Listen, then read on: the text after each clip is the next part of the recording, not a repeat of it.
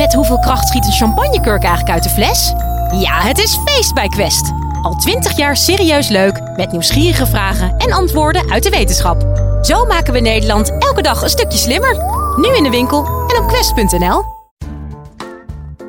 Het economisch stelsel is van oudsher ontzettend individualistisch ingericht. Nou, Helen Toxopeus van de Erasmus Universiteit Rotterdam pleit in deze podcast voor een radicaal andere benadering, waarbij er meer rekening wordt gehouden met de collectieve waarden die ons allemaal aangaan. Live vanuit Club Air is dit de Universiteit van Nederland. Op een paar klimaatskeptici na weten we allemaal dat er, uh, nou ja, dat er echt behoefte is aan verduurzaming uh, in onze wereld. En dat dat een urgent probleem is. Nou, en ook echt een probleem wat in onze tijd steeds groter is geworden. Um, dus we weten, we moeten naar een, een, duurzamere wereld. Maar als ik die, die unanimiteit in de zaal zit, dan denk ik, ja, hoe, hoe kan het nou zijn dat het dan toch zo moeilijk is uh, om dat te bereiken? En het antwoord is, is logisch, maar tegelijk ook paradoxaal. Want het, het fijne aan verduurzaming is dat, dat er heel veel mensen beter van worden. Toch? Ja, maar dat maakt het dus ook juist zo ingewikkeld. Want als jij als enige ergens beter van wordt, dan is het logisch dat jij daarvoor betaalt. En, en, maar als er heel veel mensen beter van worden, dan is de vraag van oké, wie gaat daar dan voor betalen? Mijn college vandaag gaat in, in brede zin over de vraag hoe je het individu kan bewegen om bij te dragen aan het collectief. Maar omdat het ook soms een beetje als een soort abstracte vraag is, gaat het ook een beetje over de vraag hoe je individuen kan, uh, kan bewegen om bij te dragen uh, om te investeren in een groen dak. Nou, uh, laat ik even als voorbeeld nemen. Stel, ik heb zin in spaghetti saus met verse basilicum. Nou, wat doe ik dan? Dan ga ik naar de supermarkt, haal ik een potje, zo'n verse basilicumplant. En dan reken ik hem af. En ik vind het heel logisch dat ik daarvoor moet betalen, want ik ga tenslotte die spaghetti saus opeten. Dus nou, dat, dat is een hele makkelijke. Maar stel dat ik het nou belangrijk vind om in, in duurzaamheid te investeren. En ik denk van, nou, ik wil graag een groene stad en ik wil dat die niet overstroomt en ik wil schone lucht, geluidsdemping. Ga ik dan ook vervolgens investeren in een groen dak? Nou, dat is dus een wat ingewikkeldere vraag. Want nou ja, dan kun je eigenlijk heel concreet van ja, word ik er nou beter van als ik een groen dak op mijn huis leg? Nou ja, op zich word ik daar beter van.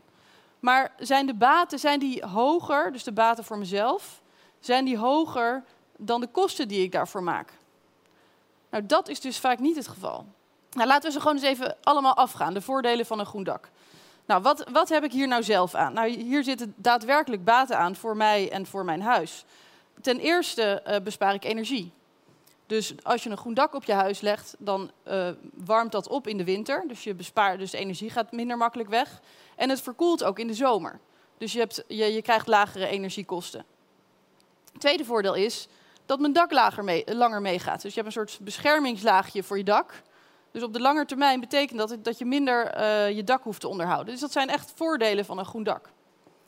Maar er zijn nog veel meer voordelen, want zoals je ziet, zo'n groen dak, dat ziet er hartstikke leuk uit om naar te kijken.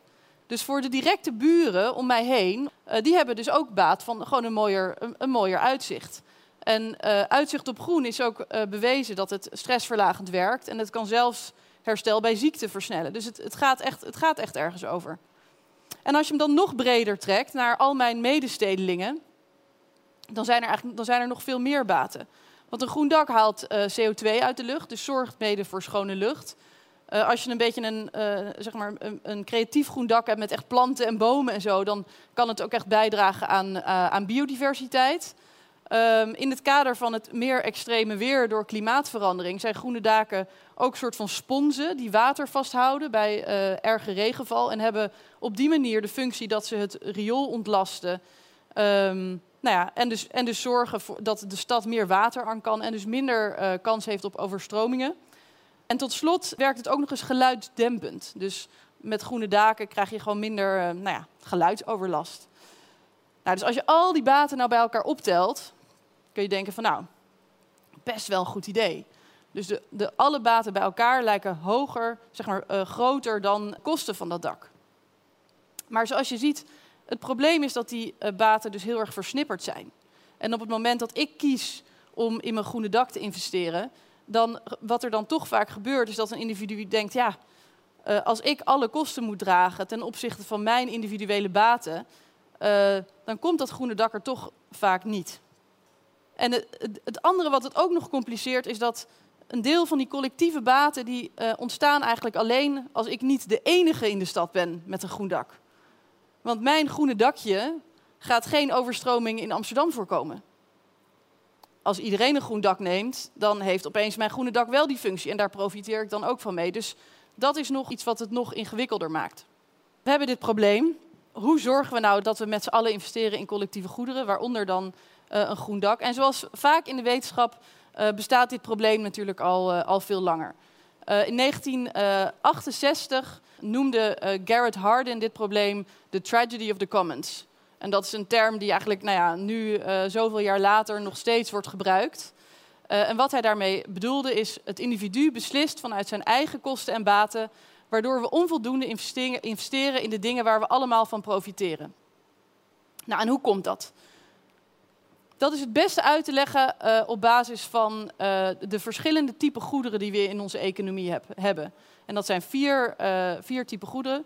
En die ga ik nu één voor één langslopen. En ze zijn eigenlijk op basis van twee eigenschappen verdeeld. Dus als je uh, in linksboven uh, naar de categorie van private goederen kijkt, dat zijn de goederen waar we het meest mee te maken hebben. Dat zijn de dingen die je in de supermarkt koopt. Dat zijn goederen die, waar je mensen makkelijk van kan uitsluiten. Dus dat basilicumplantje, dat kun je in de supermarkt zetten. Je zet een kassa voor de uitgang en je zorgt ervoor dat iemand er gewoon voor moet gaan betalen. En anders dan krijg je het niet. Um, maar het raakt ook op. Dus als ik dat plantje al heb gekocht, kan jij het niet meer kopen. De publieke goederen, nou dat is ook redelijk wel bekend. Dat zijn goederen waar je mensen niet van uit kan sluiten. Dus als wij de dijken verhogen, kan iedereen daarachter bescherming zoeken. En datzelfde met nationale defensie. Uh, maar het voordeel is wel, het raakt niet zo snel op. Dus er kunnen echt heel veel mensen achter die dijk. De club of de tolgoederen, dat zijn, mensen, dat, dat zijn goederen waar je mensen wel van uit kan sluiten. Uh, maar het raakt niet zo snel op. Nou, het woord tol komt al een beetje van de tolweg. Hè? Of er nou tien auto's over de weg gaan, dan kunnen er heel veel overheen voordat die weg op is.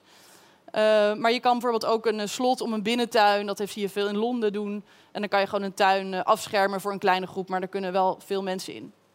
De gemeenschappelijke of collectieve goederen. Daar zit eigenlijk de angel. Nou, dat zijn goederen waar je mensen moeilijk van kunt uitsluiten, maar ze raken wel op. Dus daar zit een probleem. Dus als je het hebt over bijvoorbeeld de visstand. Ja, we zeggen wel, ja, we moeten niet te veel vissen. Uh, dat proberen we ook wel, regels over te maken. Maar ja, van wie zijn die vissen eigenlijk? En ze zwemmen, zwemmen ook de hele tijd rond. Het is heel moeilijk te monitoren of mensen ze wel of niet uit de zee hebben gehaald. En ze raken gewoon op. En hetzelfde met die, die dunne laag atmosfeer die om, om onze planeet zit. Nou, dat is ook een typisch geval van een collectief goed. En we proberen natuurlijk wel te monitoren dat we die schoon houden, dat er niet te veel CO2 in de lucht gaat en andere uitlaatgassen.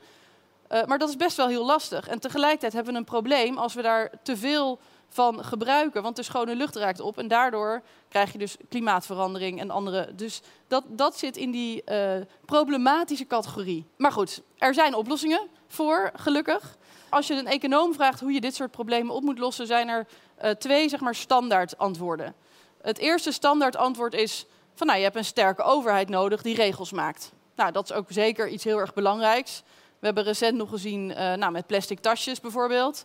Uh, je mag ze niet meer weggeven, je moet er 15 cent voor vragen. Nou, dat helpt wel voor uh, hergebruik van tasjes. of dat dieselauto's bijvoorbeeld niet meer in het centrum mogen. Nou, mensen gaan sneller over op andere auto's. Maar het werkt ook niet altijd, dat moet ik er wel bij zeggen. Want probeer maar eens een soort wereldoverheid uh, zover te krijgen dat je dus bepaalde dingen doet. Zoals met het Parijs Klimaatakkoord. Ja, dan doen gewoon niet alle landen mee. En als ze meedoen, dan is het ook nog de vraag van gaan ze zich aan al die, aan die, al die keuzes houden. Nou, de tweede oplossing is, is de markt. Dus hang er een prijskaartje aan. Dat wordt ook geprobeerd, bijvoorbeeld met, uh, met CO2-emissierechten. Uh, dus als je CO2, als je daar een prijskaartje aan hangt en je gaat het verhandelen, uh, nou, dan kun je ervoor zorgen dat er niet te veel wordt gebruikt. Dus dat is een manier. Maar het werkt ook niet altijd even goed, omdat je de juiste prijs moet hebben. Mensen moeten er nog steeds aan mee willen doen. Um, nou, dat zijn eigenlijk zeg maar, de twee grote gereedschappen die we, die we vaak nemen als we het hebben over dit soort goederen beheren. Maar toen ik uh, met mijn uh, proefschrift begon, en uh, ik kom uit de financiële sector en ik wilde onderzoeken hoe de financiële sector kan bijdragen aan verduurzaming, met name aan duurzame innovatie. Toen stuitte ik op het werk van Eleanor Ostrom. En Eleanor Ostrom die, heeft haar hele leven onderzoek gedaan naar een derde oplossingsrichting, namelijk de richting van collectieve actie. En zij had eigenlijk een wat, wat hoopvoller beeld ook van het individu dan dat hij alleen maar naar zijn eigen kosten en baten kijkt. Um, dus wat haar onderzoek laat zien, zowel theoretisch als empirisch, is dat onder bepaalde omstandigheden uh, individuen wel degelijk in staat zijn om bij te dragen aan collectieve actie, aan, aan collectieve goederen. En dat is dan een vorm van collectieve actie. Dus uh, hun individuele beslissingen zo afstemmen dat ze gezamenlijk een positieve bijdrage leveren aan alle betrokkenen. Dus dat is goed nieuws voor ons dak. En ook voor andere uh, investeringen in collectieve goederen in het algemeen. Blijkbaar kunnen we dat wel. En wat nog mooier zou zijn, als we precies weten wat voor omstandigheden dat dan zijn, is dat we deze ook inzetten. Op allemaal onderdelen van onze samenleving. Nou, in mijn geval dan uh, de financiële sector. Uh, dus kunnen we dat strategisch inzetten voor financieringsprocessen? Dat is een vraag wat, die mij toen zeg maar, bij mij naar boven kwam. Uh, en in mijn onderzoek, in mijn proefschrift, kwam ik erachter dat inderdaad um, crowdfunding nou, eigenlijk al hoe het is opgezet als innovatie ten opzichte van een bank of andere financiers, een paar gunstige omstandigheden creëert uh, voor, voor het stimuleren van collectieve actie. Nou, dus die ga ik, ik ga daar een aantal van noemen, maar dat wil ik graag doen uh, met als voorbeeld dit groene dak. Eigenlijk niet dit groene dak, maar een ander groen dak. Uh, namelijk het groene dak van Sven. En Sven is, een, is iemand die in Amsterdam woont en dit, was, dit is zijn dak. En dat was eerst zwart. En Sven wilde graag een groen dak. Um, en wat hij toen heeft gedaan, is hij heeft uh, samen met de Rooftop Revolution, een organisatie die vergroening van daken stimuleert, en samen met 1% Club, een uh, crowdfunding platform, uh, is hij gaan kijken, kan ik mensen bereid vinden om te investeren, om samen te investeren in mijn groene dak? En dat is hem gelukt. En onder andere zijn er drie redenen voor dat dat is gelukt. Want wat Sven namelijk heeft gedaan, is hij zijn eigen netwerk gaan betrekken. En dat is meteen de enige omstandigheden gebruik van sociale netwerken. Als je je netwerken inzet, dan vertrouwen mensen je sneller. Ze hebben ook meer het idee dat andere mensen ook bereid zijn om bij te gaan dragen aan een bepaald collectief goed. En er is ook iets van zeg maar, reputatie wat je opbouwt onderling. Dus je, hebt, uh, je weet dat je nog langer met elkaar, uh, dat je elkaar nog tegen gaat komen in de supermarkt. Dus je bent ook meer geneigd om te zeggen: Oké, ik wil wel bijdragen uh, aan dat groene dak. Nou, het tweede wat Sven heeft gedaan, en wat ook uh, een, zeg maar een omstandigheid is waar crowdfunding heel goed uh, bij faciliteert, uh, is hij is gaan kijken van nou, wat voor soorten baten zijn er nou allemaal die ik mensen kan geven. Um, en dan gaat dus niet alleen over geld, dus denk vooral niet alleen over geld. Maar welke, hij heeft natuurlijk een heel groot sociaal netwerk. maar degene die hij heeft gevraagd, dat waren zijn buren met uitzicht op dat dak. Want die buren die hadden naast zeg maar, alle algemene voordelen, zoals schone lucht en biodiversiteit, hadden ook echt uh, nog een extra voordeel, omdat ze gewoon uitkeken op dat dak. Um, nou, en het derde, uh, de derde soort van omstandigheid waar crowdfunding ook heel mooi gebruik van maakt, is uh, laat zien dat anderen meedoen. Op het moment dat je ziet dat er al een deel van het bedrag is opgehaald, dat andere mensen ook bereidheid hebben getoond om mee te doen, uh, en je zet er een deadline achter, dus Sven moest in twee weken uh, eh, 5000 euro ophalen, dan wordt het ook een soort nu of nooit beslissing. En dan haak je aan of je haakt niet aan, maar er ontstaat een soort naaapgedrag. En dit is helemaal geen vervelend naaapgedrag, want het is eigenlijk heel logisch.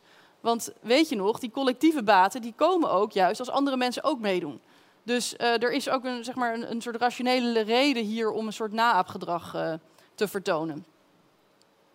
Nou, dus uh, dan kom ik weer terug op de, op de vraag van dit college, namelijk of een groen dak ons, uh, en investeren in een groen dak ons minder individualistisch maakt. Dus wat ik heb uitgelegd is dat een deel van de baten van een groen dak collectieve baten zijn. En dat het investeren in dit soort goederen op vele manieren uit, de uitdaging is waar we steeds tegenaan lopen in onze tijd. En het gaat er dus helemaal niet om dat we altruïstisch worden of onszelf gaan wegcijferen. Maar het gaat erom dat wij slimmer worden in het samenwerken om die collectieve baten uh, te, te, te, produceren. En uiteindelijk is investeren in een goed dak is, um, winst voor iedereen. Dank jullie wel.